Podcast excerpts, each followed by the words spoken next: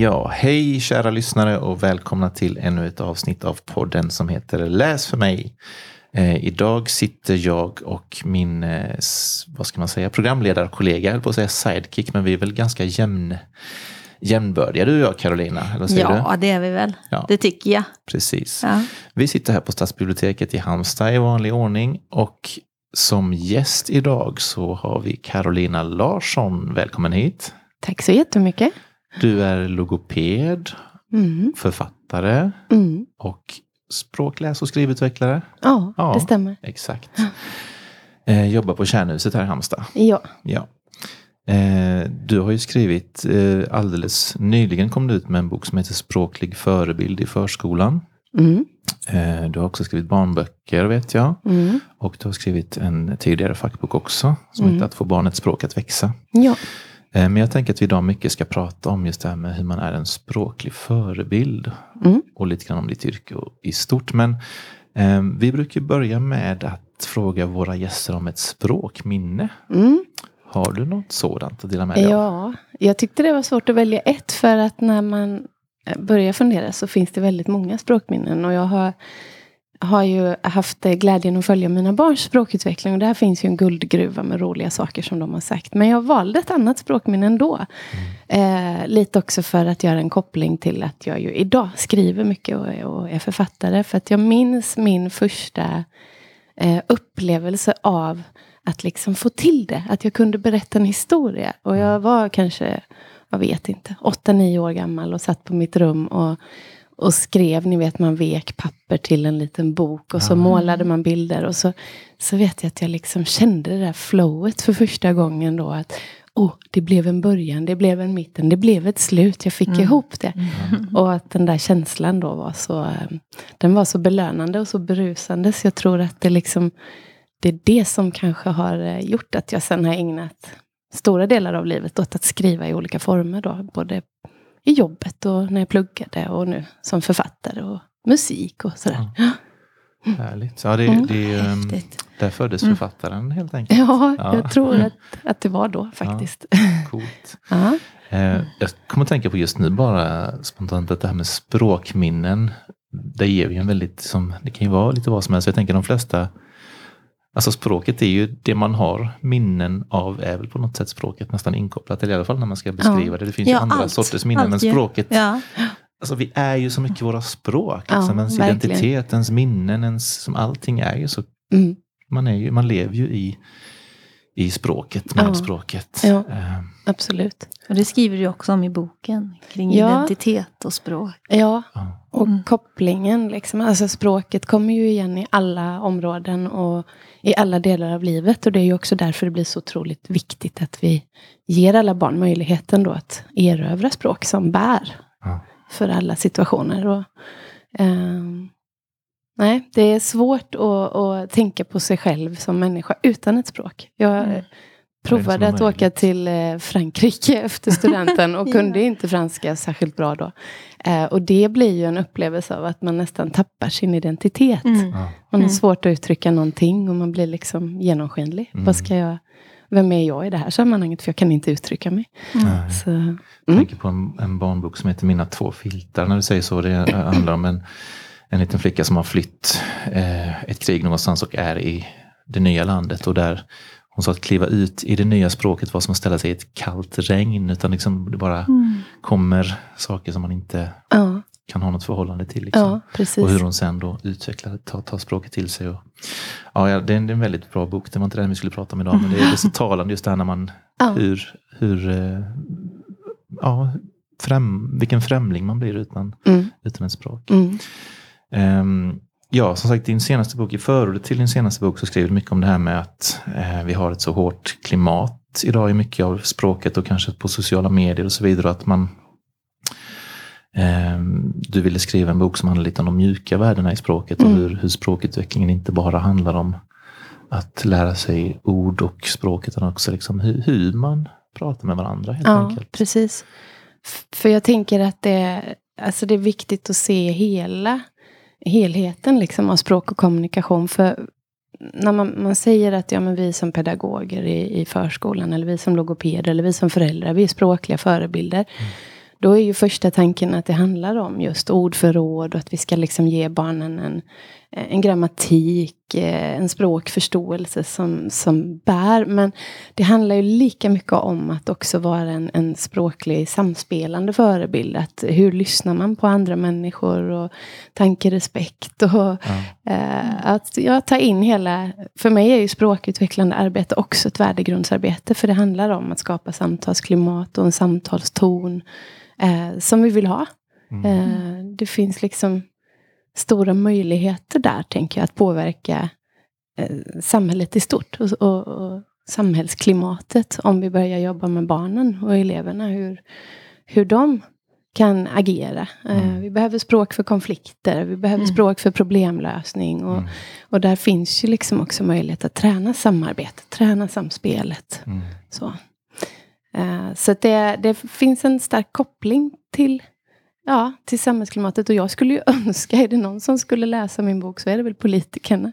Just jag tycker det. att det är väldigt svårt att lyssna på partiledardebatter och sådär. För att det är sån, eh, alltså samtalsdiskursen är så anklagande. Den är så eh, självupphöjande. Eh, det, det, dåligt lyssnande. Men alltså jag, jag mm. tycker att det är synd och det är sorgligt. För jag tror att det som de visar där sipprar neråt. Mm. Eh, men jag hoppas att om vi kan få till goda samtalsklimat och samtalsmiljöer i förskolan så ska det sippra uppåt. Då. Mm.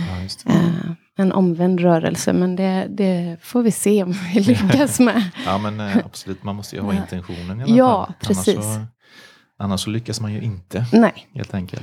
Så alla som jobbar med politik och lyssnar på det här, ja. ta åt er. Ja.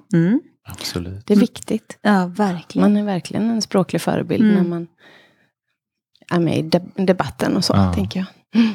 Absolut. Mm. Hur tycker du, eh, vad har du för eh, tips till, alltså hur kan man vara en, hur ska man vara en bra språklig förebild? Vad ska man mm. tänka på? Eh, några... Jag tänker att det vi var inne på, att mm. ge liksom de här lite hårda parametrarna, som ordförråd och så, det är jätteviktigt. Eh, men jag tänker att man ska se sin roll i ett större perspektiv. Man kan tänka, det där är ett lingvistiskt eh, perspektiv, liksom det här med, med språket i sig, ordförråd, språkförståelse, grammatik, språkljud och så vidare. Där behövs ett korrekt språk på alla nivåer. Mm. Men man kan också tänka utifrån ett eh, psykologiskt perspektiv med det här att vi socialiserar in barn i en kulturell gemenskap. I ett, eh, alltså vi, genom språkande blir de språkare.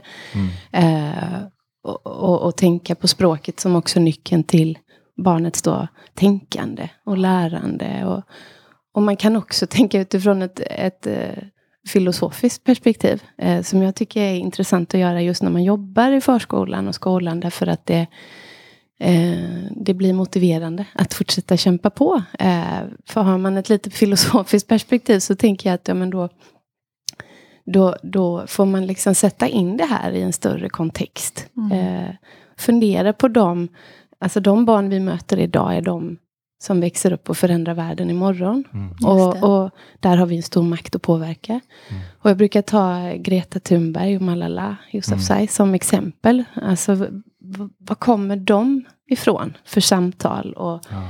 och samspelande? Vad, vad är de fostrade i? Och jag känner ju inte dem, så jag vet ju inte. Men jag kan tänka mig att deras eh, eh, omgivning har verkligen sett dem som fullvärdiga samtalspartners. Och, och, skolat in dem i att de faktiskt har något att bidra med. Och prova din röst, gör dig hörd och mm. bidra. Och sen så är det ju självklart, eh, kanske allra viktigast om man, om man jobbar i förskolan och skolan, så är ju att tänka på det här med att vara språklig förebild ur en mer pedagogisk infallsvinkel. Eh, och då innebär det ju att det sätt som jag samtalar och språkar med barnen eh, faktiskt påverkar deras tänkande.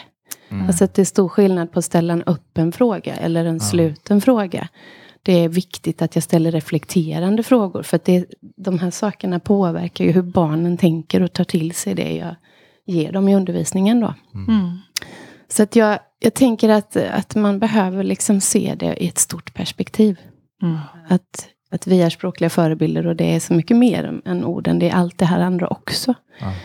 Det blir väldigt stort mm. när man tänker så. Mm. Ja, och viktigt. Mm. Ja. Viktigt att vara medveten om det kanske. Jag har inte tänkt, alltså din bok, jag har ju hållit på med detta ganska många yrkesår jag också, även om jag då är bibliotekarie. Men jag menar, man har läst mycket om barns språkutveckling och just det här med hela tiden tänka på vilken roll man har som vuxen. Att man har ett sjukt maktövertag när man är mm. den som äger språket. Ja. Och mycket det du pratar om att ställa eh, vad du kallar de sanna och falska frågor. Ja. Mycket är de här, om man ska gå in på det, falska frågor, de här som liksom bara har ett ja eller nej svar och där man redan egentligen på mm. förhand vet. Ja, man vet svaret. Man, vet svaret. man ställer kanske frågan som en kontrollfråga. Eller så, det kan ju också vara ett gott syfte att man jo. vill ta kontakt och bara bryta is. Men, men ur ett språkutvecklande perspektiv så absolut är det ju mer öppna och reflekterande frågor som vi ska jobba med. Ja, så. men precis. Mm.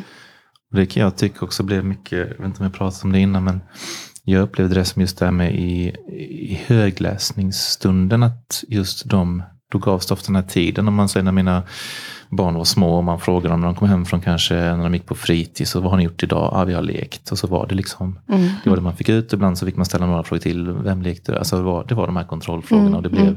det blev ganska mycket ett förhör mer än ett ja. samtal. Ja. Eh, men sen då när man på kvällen satt och läste en, en, eh, en bok för dem, då dök det upp kanske någonting i boken som påminner dem om någonting som hade hänt under dagen. Och så kom det ju, då kom ju samtalet till. Liksom. Ja, precis. Eh, så det handlar mycket om att det ska finnas tid också. Det tänker jag också på undra hur det ser mm. ut i både i familjer och i förskolor ibland. Ja. Om liksom den här, för de här stängda eller falska frågorna uppstår ju kanske ofta när man liksom känner sig lite stressad. Tänker ja. Det behöver finnas. Precis. Och stress är ju, jag tänker att stress är liksom språkets värsta fiende. Ja. Eh, för att det vi behöver kanske allra mest är våra barn och ungdomar idag så är det ju tid. Ja. Och jag faller själv i den fällan. Det hjälper ju inte att man är logoped och skriver om de här sakerna. Det är ju ibland körigt och, och sådär. Eh, så det är väl också en sak att ta med sig. Att, att man blir ju aldrig färdig som språklig förebild. Utan man får ju jobba med sig själv. Mm. Precis som man liksom jobbar med sig ja, kosthållning och träning och allt annat. Man mm. försöker liksom bli en bättre människa. De flesta mm. av oss kämpar ja, ju på. Ja, och det får man ju göra även här, att liksom mm. påminna sig. Och det, mm. det tror jag också är viktigt. Alltså när man jobbar i förskola och skola idag så är det ganska stressigt. Och man har mm. väldigt många bollar att spela på samtidigt. Det, det är liksom sällan så att jag bara kan fokusera på hur jag samtalar. Och då det har jag också försökt göra i boken, att man liksom gör det lite lätt att göra rätt. Att mm. ge sig själv lite lathundar eller checklistor och liksom hänga upp på väggen någonstans där man ser det ofta. Att, att ja, få till det där att man blir påmind om att, ja men just det, öppna frågor var det ju. Eller ja men just det, jag behöver utveckla eh, ordförrådet i den här aktiviteten. Eller ja, vad man nu är som man har valt att jobba med. Ja. Och det är inte alltid kanske att det tar, det, det, tar ju lite mer tid, men det är inte alltid det tar så mycket mer tid. Men känslan mm. av ja. stress gör ju att man inte ja. eh, kanske heller ger sig in i de här. Precis. Har du varit på förskolan och iakttagit interaktion mellan pedagoger ja, och barn? Jag har ju haft en mm. ganska ovanlig eh, logopedtjänst får man väl säga. Eh, för de flesta logopeder jobbar ju på logopedmottagningar på sjukhus. Och då är uppdraget att eh, utreda och behandla eh, olika typer av diagnoser inom språk och kommunikation. Det är ju liksom det vanliga sättet och då jobbar man ju också en till en. Man jobbar med barnet direkt och med familjen då indirekt. Eh, men jag har ju hela tiden haft en tjänst där jag har varit ute på golvet eh, mycket, inte bara, men jag har jobbat sida vid sida med pedagoger i alla förskolor i, i Halmstads kommun. Mm. Eh, och det har ju varit jättespännande. Det var en, en tankevända först när jag kom ut, nyutexaminerad och, och var liksom skolad i det här individperspektivet. Mm. För i förskolan och skolan, så, ja, i alla fall i förskolan, så är det ju gruppen som är bas liksom mm. hela tiden. Vi jobbar med gruppen. Och förskole, förskollärare och barnskötare, alltså pedagoger i förskolan har ju inte uppdraget att jobba med individer på det viset. Utan jag fick, eh, fick liksom ja, fick skapa någonting nytt i det mötet tillsammans med pedagogerna. Då. Mm. Att uh, hitta sätt att göra logopedin mer gruppvänlig och liksom omsätta det. Så det har varit spännande och det är egentligen där båda de här två böckerna då har fötts. Ja. För att vi, det blev någonting ändå lite nytt. Alltså känslan var att det här, det här behöver vi nog ändå få ner på, mm. på något sätt på papper.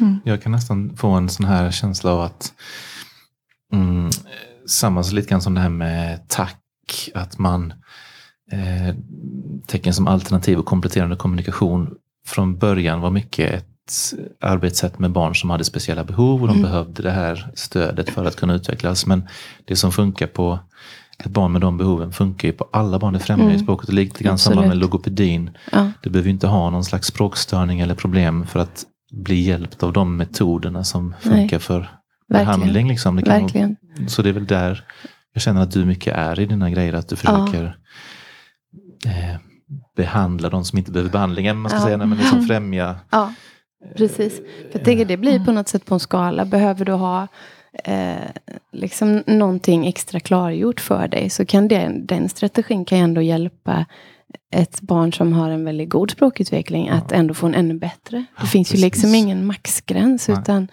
genom att vi är goda språkliga förebilder så kan vi ge ännu mer hela mm. tiden. Mm. Uh, det är ju så roligt när man träffar liksom, tvååringar som, som säger åh jag blir så frustrerad. Alltså, som sitter och försöker ta på sig en stoppel och lyckas inte få till det. Och så kommer det sådana här kom, komplexa yttranden med lite mm. svåra ord. Liksom. Mm. Uh, det, är, det är så roligt för då känner man ju ändå att ja, men just det, det finns mm. liksom ingen uh, gräns för hur mycket språk man kan ta till sig. Sen måste ju barnet måste ju till viss del liksom mogna. Men det är snarare tiden som, alltså att få mycket samtal. Ja, det är det som är grejen. Ja, det kan inte bli fel, det kan inte nej, bli för mycket. Nej, sagt, det, det kan det, det inte bli. Är, Så det, ja. Spännande. Mm, ja. Eh, jag hade något på tungan, det försvann. Eh, vad var det jag skulle säga nu? Jo, men vi pratade också om, eller ja, en sak jag tänkte på lite grann när jag eh, läste din bok också är det här med liksom hur, om man som barn um, har något slags problem så är barn också väldigt alltså, smarta och på, som kloka på att hitta omvägar kring det man har tufft med. Mm. Och det kan vara svårt att se vilka barn som behöver den här extra mm. hjälpen, tänker jag. Mm. Om, eh, jag pratade med en förskollärare häromdagen som sa liksom, hon ser direkt att vissa barn är jätteduktiga på att efter eh, man har tvättat händerna så ja, ta en, ta en pappershandduk och så då, då, då gör man det. Men om i ett annat läge så vet man inte vad en pappershandduk är. för att det är situationen som gör att jag förstår det ordet. Ja, ja. Eh, och hur, hur, ska man tänka där? Både kanske som förälder eller så, och som pedagog. Finns det några smarta tips att se, genomskåda ja, de strategierna? För det är, det är ju så ja. begåvat, det är begåvat av ett barn att hitta mm. de här vägarna. Ja, visst är det det. Absolut. En, en liten, eh, och det är ju ofta mycket svårare att, att liksom identifiera de barn som har behov av extra, liksom extra stimulans just vad gäller språkförståelse och ordförråd. Det hörs ju inte på samma sätt som om man inte kan säga ett språkljud eller Nej. bygger ihop meningarna fel. Det hörs ju, så mm. det, det, märker vi. Liksom. Men de här, det är viktigt och jag tänker att det, liksom, tipset är väl ändå att eh, Alltså när man lär sig ett ord så tar det många gånger innan man verkligen har erövrat ordets sanna betydelse. Mm. Eh, så det räcker inte att möta ett ord i en kontext. Den där pappershandduken, den hör ju liksom lite till toaletten. Men, mm. men eh, jag behöver också möta ordet i fler kontexter. Mm. Och jag behöver också mm. få använda det några gånger själv för att liksom pricka rätt. Så, eh, så att jag, och jag brukar alltid tänka sådär, ja, men, regeln om tre, det är ju dels då att man liksom upprepar ordet, ett nytt ord, eh, några gånger i lite mm. olika meningar, liksom, lite olika kontexter. Ta en pappershandduk. Kan du torka dig med pappershandduken? Mm. Nu slänger vi pappershandduken i, mm. i, så att det liksom återkommer, för då blir det lättare att, att, att snappa upp det. Men, men man behöver kanske också använda tre olika kontexter, liksom, ja. minst så. Mm. Eh, och att barnet själv också behöver använda det då några gånger. Ja, eh, så att, att det, det, handlar väl också mycket om att bli medveten om att språk till viss del är kontextbundet. Så. Mm. Eh, beroende av situationen och där, där måste vi utmana. Att mm. också prata om det som inte är precis mitt framför näsan och här och nu. Liksom, utan eh, gå in i, i, det som var där och det som var då. Mm. Och det lite mer abstrakta. så. Mm. Eh, och då blir ju böcker så himla bra också. För det blir, där går man in i sin föreställningsvärld mer och, och, måste, och blir utmanad i språket på ett annat sätt. Ja. Så vi mm. som vuxna, vi ska inte vara rädda för att använda ett avancerat språk eller att vi, oj nu, nu Nej, det är lätt att inte. tillrättalägga. Ja, Och, ja. alltså det finns ju en hel del eh, tunga namn inom språkforskning och så som säger just detta att vi är så måna om att barn ska förstå. Så vi Mm. sänker språknivån. Mm. Och då drar vi ju också bort de möjliga utmaningarna som kan liksom göra att de lär sig mer. Mm. Så, så jag tänker att vi ska absolut inte vara rädda för att, att använda ett komplext avancerat språk. Eh, sen måste vi kanske tydliggöra det. Se till Mm. så att Mm. barnen hänger med ändå. Eh, men också tänka ibland att ja, nu introducerade jag, nu lät jag barnet möta det här jättesvåra ordet. Mm. Eh, och det kommer bana väg för framtida lärande. Barnet kan inte lära sig det idag, men, Mm. men det banar väg för framtida lärande. För att det, barnet behöver möta det några gånger till innan det liksom är moget. Så, Mm. så, så eh, absolut, använda ett, ett rikt, nyanserat och avancerat språk. Det, Mm. det är viktigt. Kan du se om man, man att bara det att det finns en glädje i att det är ett nytt ord. Mm. Mm. Förstår du vad jag menar? Ja. Jag, nu väljer jag att säga det här ordet för det här. Ja. Alltså, inte alltid att pedagogiskt förklara allt, utan nu var det utan ens att... Absolut. På, liksom, Och jag tänker att det, ja. för det, ibland kanske mitt syfte är att jag verkligen ska få med alla barn. Och då Mm. måste jag verkligen tydliggöra. Och det kan jag göra med språket, men jag kan också använda bilder och tecken och sådär. Men ibland kanske mitt syfte är att just, nej men nu, nu vill jag introducera liksom, Mm, ny, nya mm. ord och, och, och så. Så att det är lite, lite beroende på mitt syfte, tänker jag. Men, men jag tror att vi, vi allihopa överskattar vår egen språknivå Mm. som språkliga förebilder. Vi tänker att vi är väldigt, åh, vi utmanar så bra och Mm. vi Mm. använder så, så många ord. Men nej, ah, det är väl lite tveksamt om vi gör det. Det finns ju en del forskning som säger att vi använder väldigt mycket vardagsordförråd Mm. på ja, 3-4 tusen ord kanske. Mm. Och, och med de orden klarar man sig genom en vanlig dag. Men du klarar ju inte att ta dig igenom en, en eh, liksom text där du ska, eller en dagstidning eller så. Utan du behöver fler ord än vardagsordförrådet. Så. Mm. Mm. Och nu Ja. pratar vi om ganska små barn, alltså tidigt och sen förskoleålder. Mm.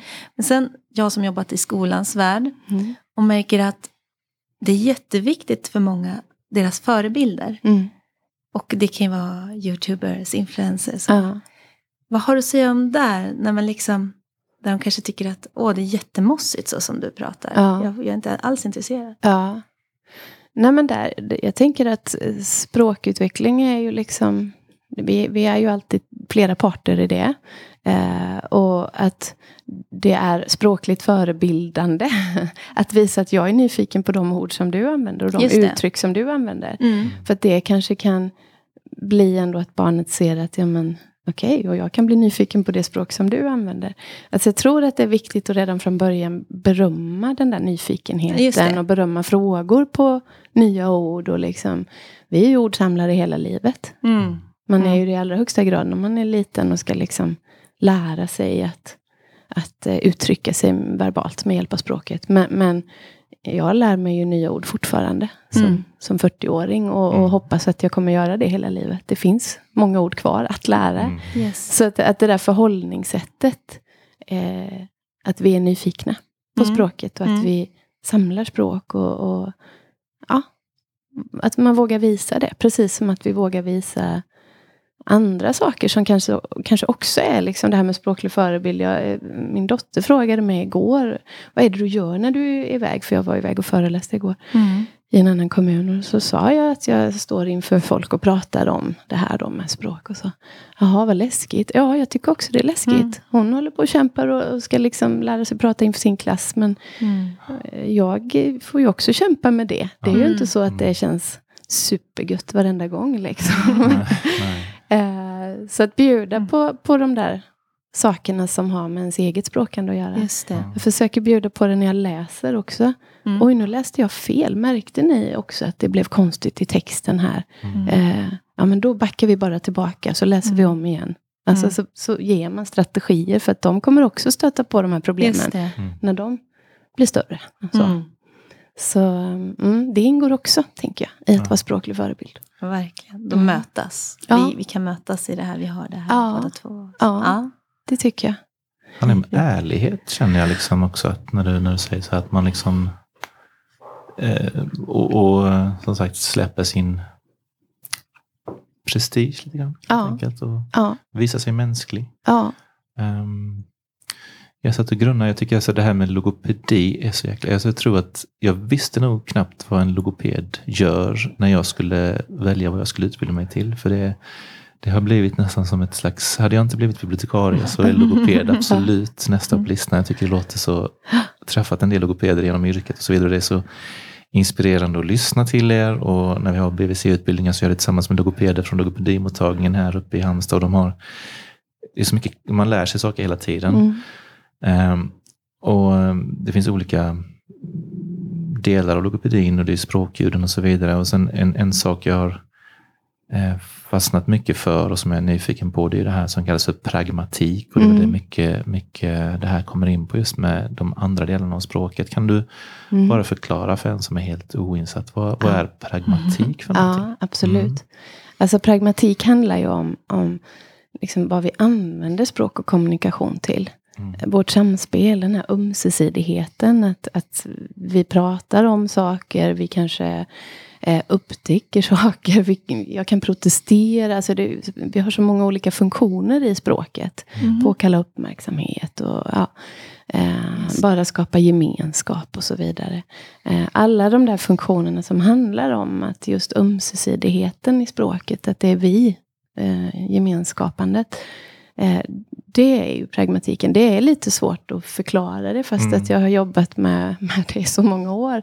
Men man kan också utgå lite från vilka olika delförmågor liksom finns i det här pragma, pragmatiska fältet. Och då är det ju alltså det här med att, att kunna ge ögonkontakt, att kunna eh, behärska det här med turtagning. Att Mm. Nu lyssnar ni jätteuppmärksamt när jag pratar och sen lyssnar jag på er och, Mm. och vi liksom bidrar i en turordning så, till samtalet. Och att, att förstå att andra tänker annorlunda än vad jag tänker. Och det gör ju att då kanske jag måste förklara på ett visst sätt. För ni vet inte samma sak om min familj som jag tänkte berätta om som jag vet. Mm. Barn som inte riktigt behärskar det tänker ju att det som finns här i mitt huvud, det liksom är på något sätt motsvarande det som finns i era huvuden. Så det blir Mm, svårt mm. att, att, Ja, eh, att, eh, ja, att anpassa sitt språk då. Mm. Eh, och att kunna hålla en röd tråd och, och berätta sammanhängen och så. Det är också sånt som kan ingå i, i det pragmatiska fältet. Men det, det är ju egentligen samspel. Mm. Så. Och, och det är väl där då som kanske att, att vara att behärska pragmatiken är väl kanske också mycket nyckeln till leken Mm. i, om man säger titta Absolut. på de små barnen i förskolan. Ja. och Sånt, att det är en, funkar inte den så kan det vara svårt att leka rolllekar Ja. och, och, och de grejerna. Och det kan ju vara hämmande i sig sen. Liksom. Ja, verkligen. Det Alltså det är ju på något sätt, ibland tänker jag att pragmatik nästan är lika med social kompetens. ja. Det här att kunna läsa av och förstå vad förväntas av mig nu när jag går in i det här. Och, och det är precis som du säger, det är jätteviktigt i leken där man måste förhandla fram en gemensam ram och man måste kunna gå in och förstå andras tänkande. Och, och eh, bara det här att kunna reda ut missförstånd, det är ju Mm. jättesvårt om, man, Mm. om man inte riktigt behärskar det pragmatiska. Mm. Men, men jag tänker också att, att vuxna kan ha det här problemet Ja, också. absolut. Då kommer man Ja. inte heller Tänkte riktigt in i, i leken. Nej. Nej. Så, Nej. Nej. eh, alltså i samtal och i eh, sammanhang tillsammans med andra vuxna. Det, det är svårt, men jag tror att alla som lyssnar har säkert någon gång mött någon person som man kände här, det blir lite konstigt liksom Ja. i det. samspelet. Det Mm. flyter inte på. Det, och, och det kan vara det där att man kanske går lite utanför det, det liksom förväntade inom Mm. pragmatiken. Då. Mm. Mm. Mm. Det är oerhört spännande och väldigt vidgat begrepp att se på Ja, språk. Det blir ja. så... Ja, det är det. ah, Och någonstans så är det ju liksom små barn, om vi pratar bebisar, nyfödda, de börjar ju sin resa in i språket via det här med Mm. pragmatik och samspelande och att betrakta andra människors känslolägen, mimiken, liksom gester och kroppsspråk. Det är kroppsspråk och, och, och det är ju egentligen allas första språk. Ja. mm. Eh, så, så resan in i språket går ju ofta via pragmatiken. Liksom. Ja, just det. Eh, så det är ett jätteviktigt område. Mm. Mm. Så eh, jag ser, du har säkert olika metoder som pedagoger kan jobba med det här med Mm. sina barn. Mm. Har du några tips här? Mm. Alltså den första boken jag skrev handlar mycket om det här att försöka eh, hitta strategier då, som man kan ta med sig ut i sin pedagogiska praktik. Och, och där eh, alltså jobbar man med riktigt små barn så kan man ju till en början vara liksom att, det, att man har nytta av att barnen lär sig uttrycka sig med kroppen Mm. Ja. eh, på ett vedertaget sätt. Vi kanske signalerar stopp genom att hålla upp handflatan. Det är Mm. jätteviktigt när man är ett år och någon försöker slita leksaken ur Ja, händerna det. på mig. Ja, men Verkligen. stopp, jag kan inte Mm. säga det än, men jag kanske kan visa det. Mm. Eh, och och sådana här saker som vi kanske vill att barnen ska eh, lära sig. Att, att titta eh, på den som pratar, Mm. att eh, Mm. lyssna uppmärksamt när det är någon som ger en instruktion. Det kan vi också förstärka med kroppsspråket. Titta på mig och liksom peka på ögonen och, och lyssna, nu är det viktigt. Ja, Men sätta handen vid örat. Alltså det finns mycket i, i, i de här kommunikativa funktionerna Mm. som, som man kan liksom förstärka med sin kropp. Eh, och det är väl ett, ett tips med de Verkligen. riktigt små barnen. Mm. Så att, att eh, mm, stärka samspelet genom att vara så tydlig. Mm. Mm. Precis. Mm. Härligt. Och det krävs Mm. en hel del närvaro känns det som. Ja, Ja. absolut. Mm, för just, jag tänker ju också på det idag, då är det mycket skärmar och Ja. mycket telefoner och vi Ja. inte tittar så mycket varandra i ögonen. Och så, vad händer med de små barnen då? Och det, det där är jätteintressant. Och det har Mm. ju faktiskt kommit lite forskning. Mm. Inte så mycket.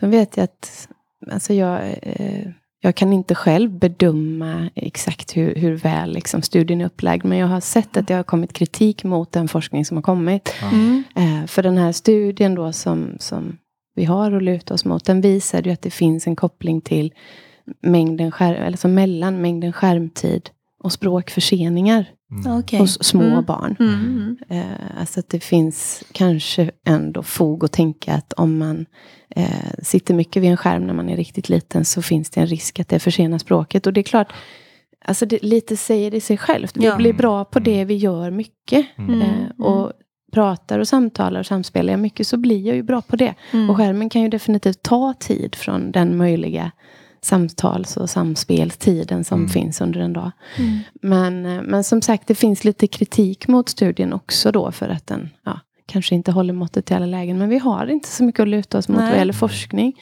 Utan där blir det ju mycket att, att kanske börja i andra änden. För föräldrar frågar ofta mig, Mm. ja men hur mycket skärmtid är okej? Och det tycker jag är svårt att svara på. Mm. Utan jag tänker i andra änden. Hur mycket samtal skulle du vilja att ditt barn var Ja, i? det. Hur många böcker skulle Mm. du vilja att ditt barn får läst för sig? Tänk så. Mm. Har du Mm. läst och pratat jättemycket, ja men då, då kanske det är okej Ja. Mm. en stund. Mm. Börja och titta på det som vi vill ge, liksom, Mm. som Mm. känns viktigt. Mm. Sen handlar det väl också om att göra saker. Alltså det, här med, det har alltid funnits en viss rädsla för ny teknik och jag tror att definitivt att det finns en stor risk med att man blir lite frånvänd och att man just att man ser ju ibland, alltså, och jag, jag är ju själv mer i mobilen än vad jag vill vara egentligen. Mm. men är ju Ja. sjukt bra på att pocka på Ja, uppmärksamhet. Eh, Men mycket handlar väl också om det som att man gör saker tillsammans. Liksom. Man, ja, man kan ju sitta och titta bland sina bilder i, i mobilen tillsammans och använda det som en pekbok lite Ja, och prata kring och visa. Och, Ja. Och om man vänder på det så är ju egentligen inte heller en, en bok ger ju inte så jättemycket språkligt till en liten ettåring Nej. om du sätter den ensam med Nej, boken. precis. Den kan ju tugga på den och utforska den lite grann. Eh, men, och det är bra i sig, men det händer inte så vansinnigt mycket om det inte är en, en annan människa där. Språket utvecklas Exakt. ju ja, tillsammans med en annan Ja, människa. ja. Liksom. Och, och där kan man ju, och sen eh, finns det ju en verklighet att förhålla sig till. Ibland kanske man behöver Ja. förströ sitt barn en stund för man ska laga mat. Eller man behöver, ja, precis. man ska ju, det handlar ju om överlevnad också, livet. Ja, det gör det. det, gör Eh, det. Så det handlar också om att inte skuldbelägga eller peka på bara det som något ont. Men allting handlar ju om hur, hur man använder saker och Ja, varför. Och ha, att, att ha en tanke kanske är väl klokt. Ja. Hur, ha en strategi som du säger. Hur, Mm. vad, vad vill jag? Vad har jag för Precis. syfte med det här nu? Finns det en tanke? Eh, och Det tror jag är jätteklokt. balans ja, i, verkligen. i allt. Ja. Och det är ju många förskolor som har just den regeln vet jag. att Mm. Vi har mm, iPads, eh, plattor och så till barnen. Men, men vi använder dem tillsammans. Ja. Det Okej. är i ett samspel och Mm. då är det okej. Mm. Alltså inte det här barnvaktsgrejen. Nej, det. Nej. Nej. För det är ju precis, precis mitt i prick som du Ja. säger. Att vi, det är ju samspelandet vi vill åt. Precis. Mm. Mm. Um, det finns ju en, um, jag kan passa på att slänga in ett tips här nu också, mitt i att eh, Region Halland har ju en, eh, en, ett Instagramkonto som heter, heter det Dela språket? Va? Mm. Tror jag. Mm, Dela språket kan man söka på. Där kommer som en liten påminnelse då om man sitter och tittar sitt Instagramflöde. Så, så om man då gillar den, det, eh, vad heter det, gillar den sidan, det, det kontot, så dyker upp eh, någon bild ibland som specifikt om man kan prata kring tillsammans Ja. med barnet så att man får en liten påminnelse. Och det här är Ja, exempel på när man använder tekniken till ja någonting sådant. Ja. Eh, Så den kan vi tipsa om lite spontant här. Ja. Dela språket, titta på den. Mm. Och ett annat sånt är ju också att använda kameran, tänker jag. Alltså att Ja. fota Mm. barnen in action när de gör olika saker under Ja. dagen. Och, och sen titta tillsammans och återberätta. Tillbaka. Och, Ja, just det. Just det. För, för just det där självupplevda, det man har varit i med alla sina sinnen. Det, det är ju så förankrat i, i kroppen. Och att Mm. få språket liksom upp till det. Det, det är ju snabbspår till språk, tänker jag. Ja, precis. Eh, sätta ord på det barnen har upplevt. Då. Ja, Så kameran är ju superbra. ja. Det, Ja, men allt handlar ju om vad vi gör med. ja, ja, Att vi, vi Så tar makten över precis. tekniken. Liksom. Ja. Eh, ja.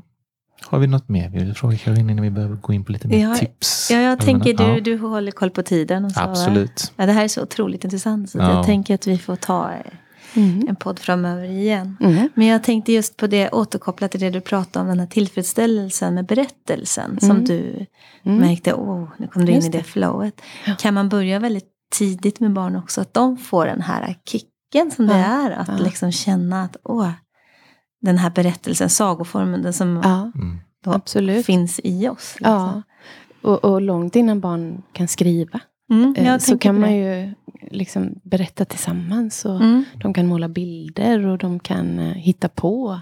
Och det är ju jättelustfyllt. Mm. Det, alltså när, när jag har gjort det med barn så är det ju, de sprudlar ju. Mm. Att få berätta, att få hitta på, wow, jag äger den här historien. Mm. Jag kan, det kan komma in en zombie nu. Liksom. Ja. Kan, vad som kan helst hända. kan hända. Ja. Och det, det tror jag är superviktigt, liksom främjande arbete för att, eh, att vi ska kunna göra barnen till så småningom då läsande, skrivande individer. Mm. Mm. Att erövra formen på Mm. något sätt för berättande och Mm. berättelser. Så. Och också att de som du säger, de äger sin Ja, berättelse. ja. Det ger också Ja. självförtroende kanske. Ja. Och som språkliga Mm. förebilder så tänker jag att vi också, vi vuxna, ska bli lite bättre på att själva berätta. Mm. Mm. För vi var inne på det, eh, du berättade om när barnen kom hem och vi liksom ställer ju frågor. Ja, hur har det varit idag Mm. och så. Men vi är generellt, vi vuxna, lite dåliga på att liksom komma hem och vända på steken och säga, Ja, vet ni vad jag var med om idag? Mm. Och så liksom, det här hände när jag var på jobbet, eller det här såg jag på vägen hem. Att Mm. själva Mm. berätta, just för att barn gör ju inte som vi säger, utan Mm. som vi gör. Ja. Så om vi, Mm. om vi bjuder på berättelser så kommer det Mm. bjuda in dem att Ja. själva bjuda på sina berättelser. Mm. Mm. Klokt. Ja, verkligen. Mm. Läs för mig. Eh, ska vi be dig om något tips? Vi har ju bett dig om tips om olika saker. Ja, språklig ja. förebild, men också Ja. det som vi brukar... Ett supertips. Eh, ett, ja, precis. Ja. Ett tips om vad det nu kan vara. En företeelse eller en bok eller Ja. en film eller vad du nu Jo men precis. önskar dela Eh, med dig av. det är ju, idag är det liksom sista veckan före jul ju, Mm. när vi Ja. spelar in det här. Och eh, Eh, det är snart dags för ledighet. Och då skulle jag vilja dela med mig. Jag läste en undersökning som var gjord av Legi Lexi, eh, bara alldeles här om veckan, så jag har inte hunnit fördjupa mig i den. Men kontentan var att eh, 20 procent av alla barn eh, i Sverige idag blir lästa för mindre än en gång i veckan. Mm. Eh, så det är ju en ganska stor Mm. grupp barn som inte blir lästa för. Och så hade man också man hade frågat föräldrarna i den här undersökningen om hinder för läsningen. Eh, och då så svarade i stort sett, ja, majoriteten svarade att jag skulle vilja läsa mer men jag har inte tid. Mm. Samtidigt, i mitt huvud blir det här en paradox. Ja. För samtidigt var det så att man läste som mest på vardagarna.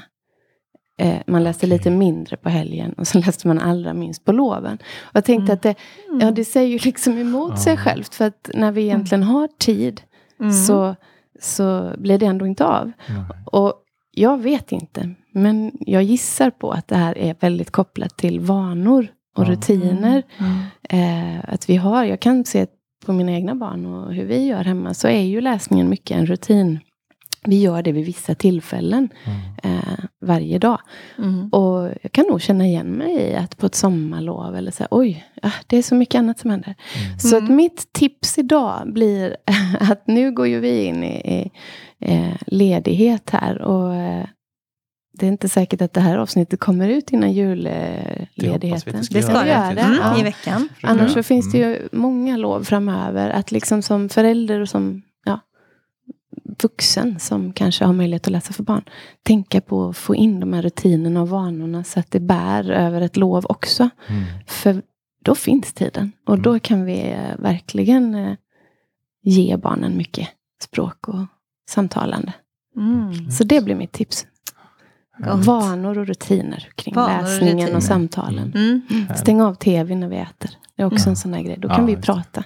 Mm. Inte titta på tv. Mycket handlar ju om priori- alltså alla har ju 24 timmar om dygnet så Ja. det, det är ju mycket prioriteringsfrågor Precis. såklart. Mm. Sen måste man kanske jobba och sånt. Det behöver man ju. Ja, Men det ibland. känns- ja, ibland. Precis. Ja.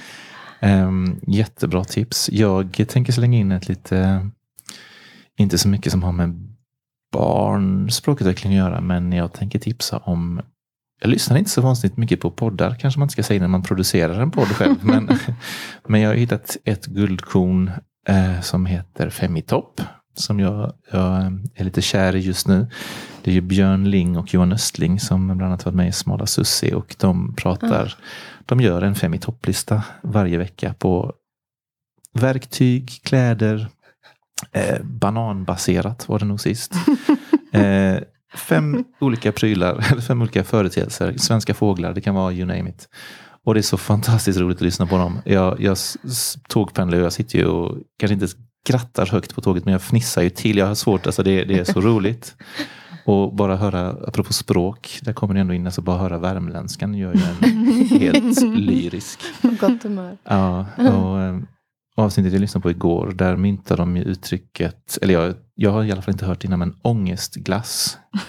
eh, och det är ju den här biten, man kanske har skurit en sån här halvliter i två delar och så har den ena blivit liggande väldigt länge, så det är en sån här liksom hinna på den, ni vet, så här, någon seg hinna som är så här.